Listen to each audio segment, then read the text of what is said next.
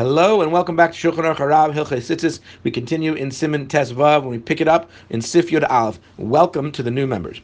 Yesterday we talked about that if the talus is cut, but each piece is large enough to be a kosher talus on its own, the tzitzis don't have to be removed if you want to join the halves back together.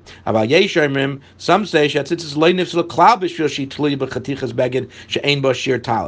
say that the tzitzis do not become possible at all because they're hanging from a piece of garment that's not large enough to be a talis. Meaning, even if it's smaller than the requisite shear of a talis, those tzitzis could be still kosher. Kederch kalat because these tzitzis are hanging from the corner, just like all tzitzis hang from a corner. And if the if it's a kosher size for a corner, it's the tzitzis stay kosher. U'lachein, therefore, im yesh b'karen shachaticha hi shenechtecha nikra min atalas gimel gudlin gimel gudlin. If on this corner of this beged that got cut off, it's ripped or cut or whatever from the talis, and it's three by three gudlin, which is about six centimeters. Shazesh shir haroy nikra kanaf, and that's the size it needs to be to be called a kanaf. The tzitzis that's hanging from that uh, piece is considered kosher because it's a valid kanaf. Well, nifsula klal, it doesn't become puzzle at all. And therefore, therefore, you do not have to remove it from that piece and then put it back after you sew it back together. You could sew it back together as is.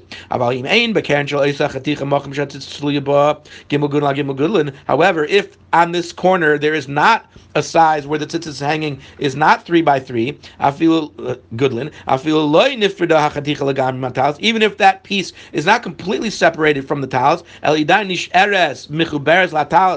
but it's still slightly connected. If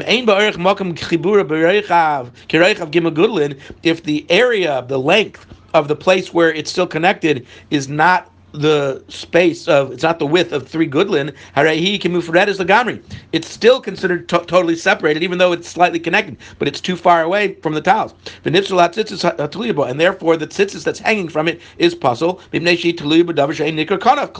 it's attached to something hanging off a corner that's not really called a corner. It's not halachically a corner. Therefore, when you want to sew this piece into a regular talus. You have to remove that tzitzis that's possible from the hanging piece. And then you can put it back in after you've resewn it. Or just put in a new tzitzis, whatever you're doing. So there again, so you have two shitas. That was the that's the mekel shita, and in Sif Yud was the machmer shita. Indian halacha yesh lahachmer kiswa rishona.